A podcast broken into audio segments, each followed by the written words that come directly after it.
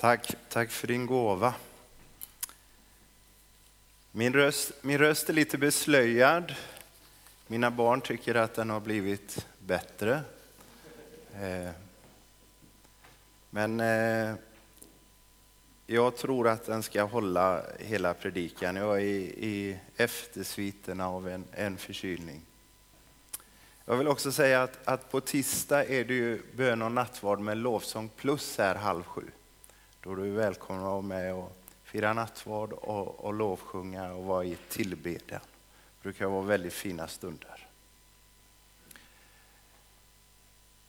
För dig som är nytillkommen tittare så är det så att jag håller på med en serie om tio Guds bud, tio Guds budord.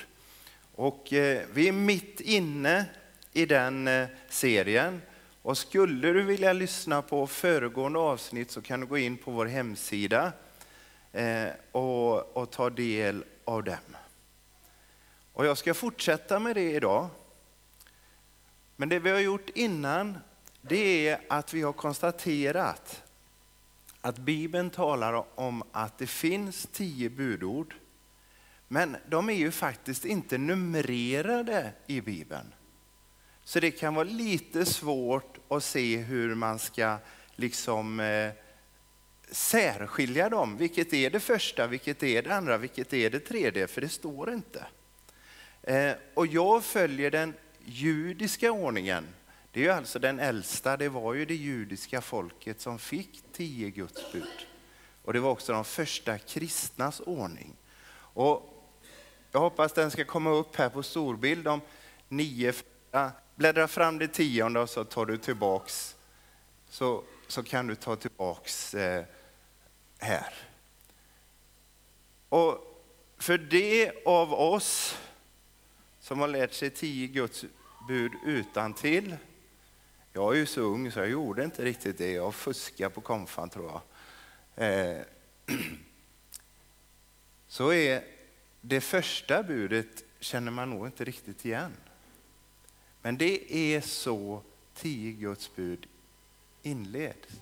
Jag är Herren din Gud som föder dig ut ur Egypten, ut ur slavlägret. Alltså budorden börjar med nåd och med befrielse. Men detta har vi som sagt pratat om.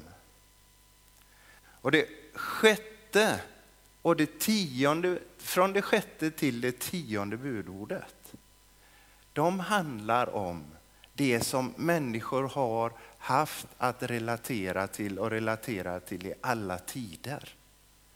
Pengar, sex och makt. Det är alla dokusåpor, det är alla serier handlar om. Pengar, sex och makt.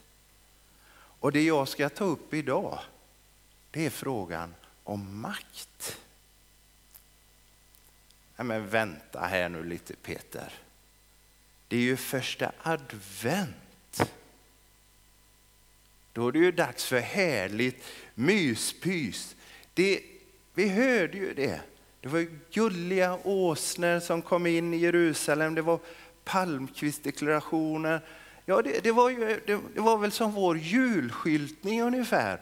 En, en familjefest då passar det väl sig inte att, att prata om makt. Vad har det med första advent att göra? Det är väl till och med tvärtom. För Jesus kom ju på en åsna. Och en åsna, det är ju ingenting man förknippar med makt, utan tvärtom. Ja, så är det. Men när Jesus väljer att rida in i Jerusalem på en åsna så gör han faktiskt anspråk på att vara kung. Och han gör det eftersom han liksom medvetet, han iscensätter ju det här själv, att han medvetet rider in på, på ett åsneföl. För han hänvisar så tydligt då till det bibelordet Christer läste i början från Sakarja och som sen citeras i Matteus som vi hörde. Se din konung kommer ridande in till dig på en åsna. Så när Jesus väljer att rida in på ett åsneföl i Jerusalem så är det inte för att säga jag är helt ofarlig, nu handlar det om julskyltning, jag har inga maktanspråk. Utan det är tvärtom.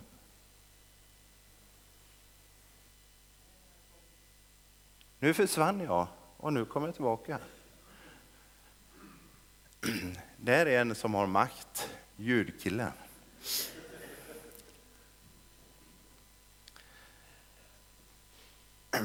Alltså, så han kommer för att berätta att han har kungaanspråk. På riktigt. En konung att följa och lyda, en kung med makt. Och det är det folket i Jerusalem fattar. Det är därför de hyllar honom som är kung med mantlar, kvistar och hosiannarop. Sen att han är en sån annorlunda kung, det fattar de inte. Men jag tror att en hel del av oss tycker det är lite olustigt det här att tala om makt. Och så ofta associerar vi det med något negativt, med tvång och med förtryck. Men jag börjar med att säga att alla människor har att förhålla sig till pengar, till sex och till makt. Men, men när jag tänker efter så, ja, pengar, ja det är någonting jag har att hantera i mitt liv. Och, och sex, ja, och inget av det är helt enkelt alltid. Men makt, nej, det är ju inte mitt problem. Det är mer Bidens och Kristerssons bekymmer. Alltså vi, vi kan ofta se att pengar och sex är krafter vi har att hantera. När det gäller makt. För det, för det mesta, för det mesta brukar vi tillskriva andra makt, men inte oss själva. Vi ska också börja med att, att konstatera och komma ihåg. Varken pengar eller sex eller makt är något negativt i sig själv. Det kan bli det, ja, men i grunden är det något positivt. Det är gåvor till oss. För vad är makt egentligen? Om du fick frågan definiera vad makt är, vad skulle du säga? Min enkla definition är den här. Makt är att ha möjligheten att få det på ett visst sätt. Makt, det är möjligheten att få det på ett visst sätt. Ursäkta. Och då måste jag erkänna att även jag har att hantera makt. För visst vill jag ha möjligheten att få det på ett visst sätt. Ska jag vara riktigt ärlig så vill jag det mest hela tiden. Och om jag har möjligheten att få det på ett visst sätt, då har jag makt. Har du möjligheten att få är det jag? Är det, det är inte min heshet.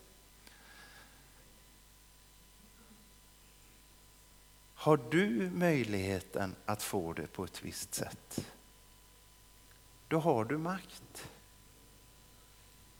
Så frågan är inte om vi ska använda makt eller inte, utan frågan är vilken makt vi använder och hur vi använder den makt vi har.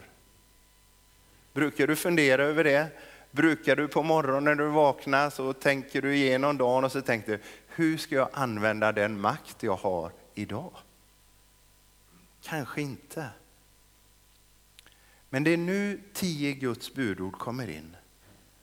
Och de tar inte så mycket upp till vad jag ska använda min makt, men de gör det.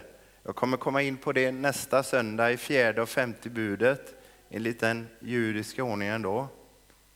Men framför allt tar budorden upp var gränserna går i att använda makt.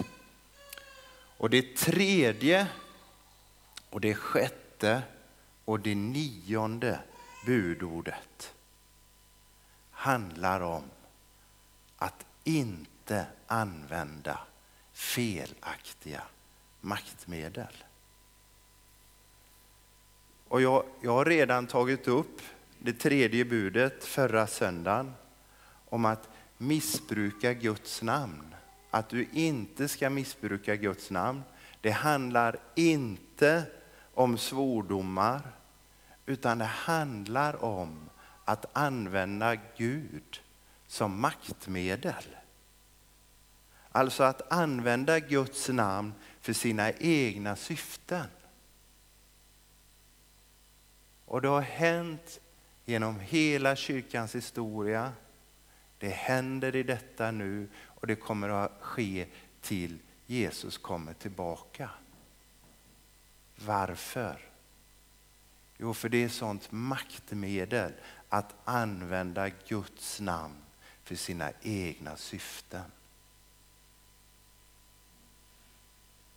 Men vill du, vill du lyssna mer som sagt kan du gå in på hemsidan när jag utvecklar det här mycket. Det sjätte budet, du ska inte dräpa. Ordet dräpa är hebreiska ratsa, om jag nu uttalar det rätt, som används, alltså syftar på en överlagd viljemässig handling, att mörda en annan människa. Och jag tror inte det behövs några större utläggningar för att du ska förstå vilket maktmedel det är att döda en annan människa. Det är väl egentligen det yttersta maktmedlet. Det nionde, du ska inte vittna falskt mot din nästa. Varför ljuger vi? Varför ljuger du? Du ljuger för att det är ett maktmedel. Det hjälper dig att få det på ett visst sätt. Antingen för att undkomma svårigheter. Det var inte jag, fast det var det. Eller för att vinna fördelar. Det var jag, fast det inte var det.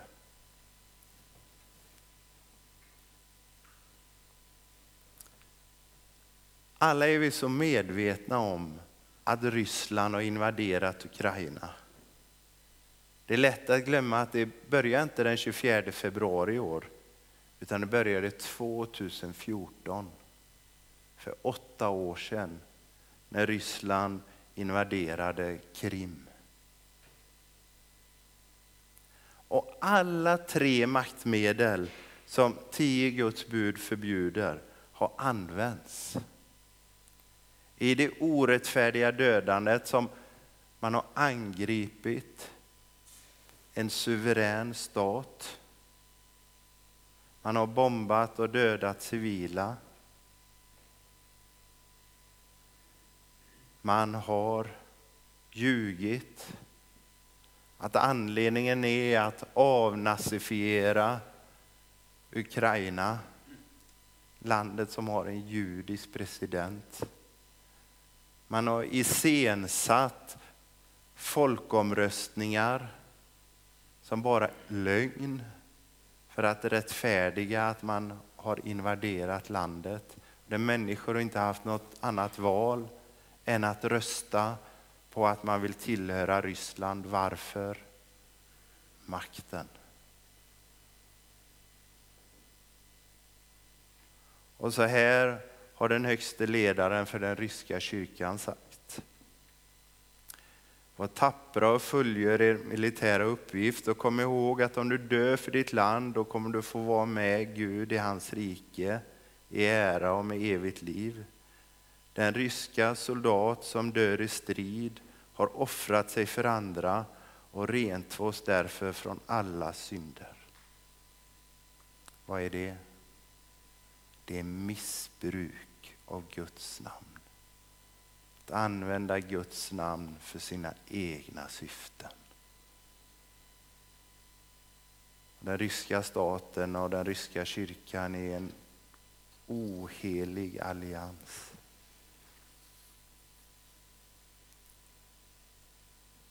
Men det här är väl maktens rätt? Störst går först.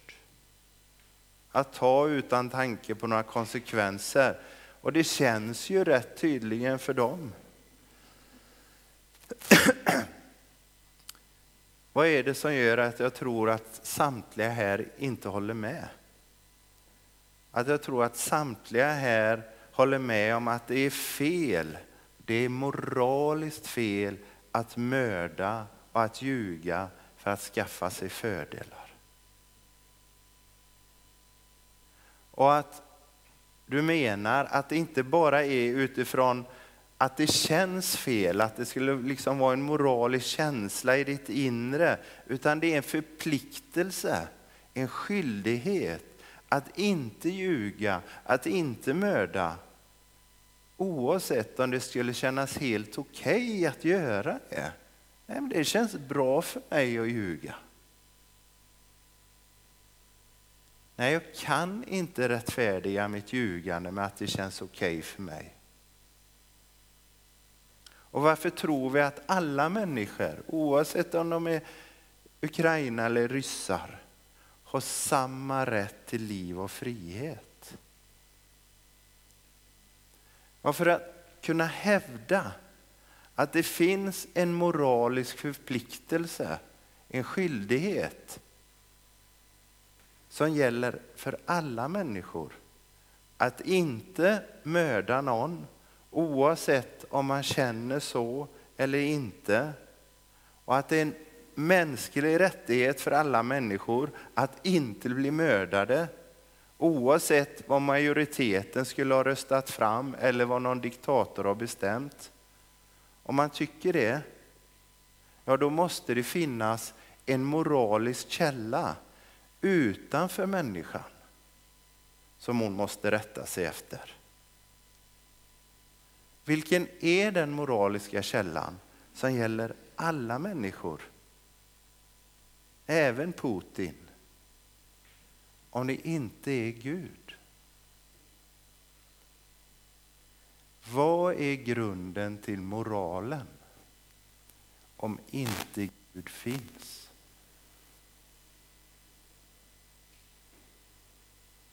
Ateister funderar väldigt mycket över det här. För de flesta ateister menar att det finns moralisk fakta, förpliktelser som gäller alla människor. Men de kan fortfarande inte visa varför det skulle göra det. Man kan inte än, man har inte kommit på någon annan källa än Gud. Vetenskapen kan komma på tusen sätt att rädda liv. Den kan komma på tusen sätt att förgöra liv. Det ser vi på nyheterna varje dag hur det ena vapnet efter det andra har utvecklats. Men vetenskapen kan inte säga någonting om det ena är rätt och det andra är fel. Ingenting. Bygger du ditt liv på vetenskapen, då är du den fattigaste människan på jorden. Och med det inte sagt att vetenskapen skulle vara något fel. Det är något fantastiskt. Det är en gåva på rätt plats. Jag kan inte bygga mitt liv på det. Då blir jag helt vilsen.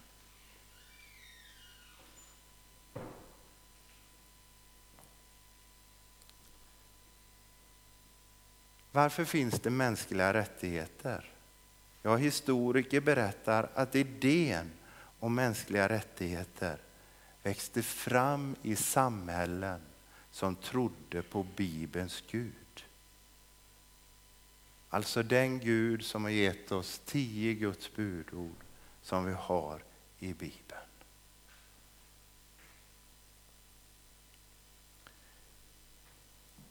Men som jag sa förut, det, det är alltid så lätt att fokusera på dem som har mer makt än vi. Putin och allt vad de heter som vi kallar makthavare. Men även när vi har olika mycket makt så har vi alla makt. Genom vår tid, genom våra materiella resurser, våra liksom gåvor och talanger och förmågor så har vi makt att få det på ett visst sätt. Vi har inte ansvar för andra stora makt. Det är ju därför det är så lätt att kritisera andra. Men vi har ansvar för den makt vi har. Och ju mer makt, ju större ansvar. Det här vill vi sällan kännas vid. Hur, hur många skulle spontant räcka upp handen och sa alla som har makt räcker upp handen? Ah, vi, nej. Men hur ska vi då, om vi nu har makt, vad ska vi ha för förebild? Kan vi ha någon annan än Putin? Ja, tillbaka till första advent. Advent betyder ju ankomst. Jesus kommer in, i, ankommer till Jerusalem. Och när han rider in så förstår Jerusalemsborna att han har kungaspråk. Men de förstår inte att han går en helt annan väg. Kärlekens makt, kärlekens väg. Jesus missbrukar aldrig Guds namn, fast han frestades till att göra det.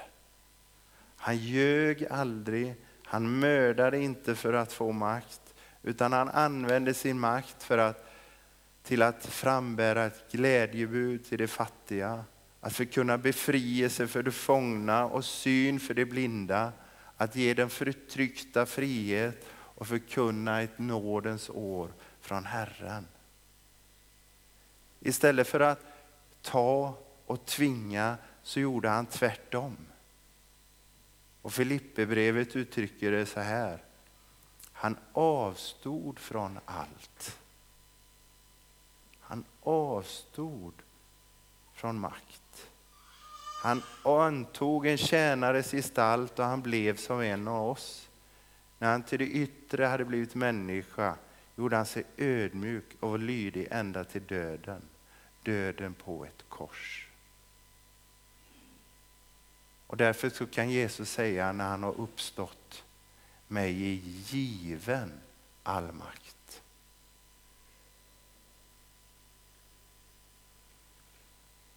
Och Filipperbrevet fortsätter. Därför har Gud upphöjt honom över allt annat och gett honom en namn som står över alla andra namn. För att alla knän ska böjas för Jesu namn i himlen, på jorden och under jorden. Och alla tungor bekänna att Jesus Kristus är Herre, Gud Fadern till ära. Han som gick den andra vägen kärlekens väg. Amen. Nu ska kören komma fram och så ska vi får vara med och sjunga i psalm 108.